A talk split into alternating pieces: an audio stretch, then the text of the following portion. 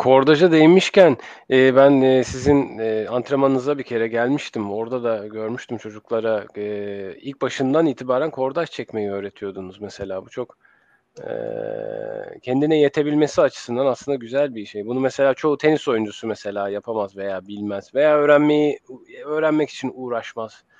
Ama aslında bu sporu yaparken e, performans sporcusu olarak yetiştirilmeye başlanan çocuklarda da Hani bunların bu sporun sadece sportif yani fiziksel anlamda değil ama hem e, bu tarz destekleyici hani ekipman olarak veya e, eminim ki hani zihinsel e, fiziksel olduğu kadar zihinsel de bazı vecibeleri vardır diye düşünüyorum. O konuda Naci hocam siz bizde bazı evet. şeyler paylaşabilir misiniz? Evet.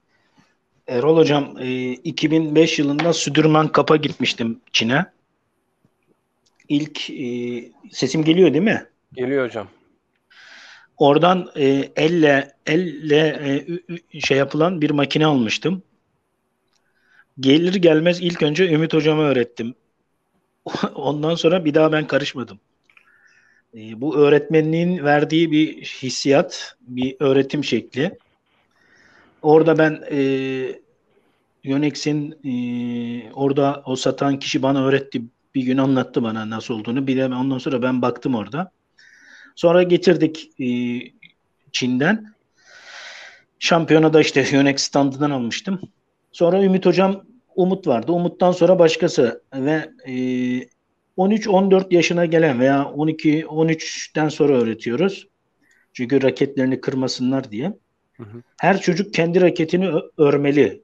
Bu öğretmenliğin verdiği kendi yarın profesyonel olacak bir çocuğun raket gerginliğini kendinin ayarlaması lazım. Yumuşak mı, sert mi, hangi teli BG3 mü, BG65 mi neyse hangisini kullanacağını kendisinin hissetmeli. El becerisi açısından, e, sorumluluk duygusu açısından bunlar çok önemli. Eğitimde e, sadece badminton olarak biz eğitim vermiyoruz. Çocuğun e, Sahayla ilgili de bizim şeylerimiz var. Fileleri kurar, fileleri takar.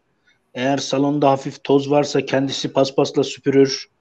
Ee, biz aslında sadece badminton eğitimi de vermiyoruz. Ee, biraz sorumluluk duygusu da e, veriyoruz.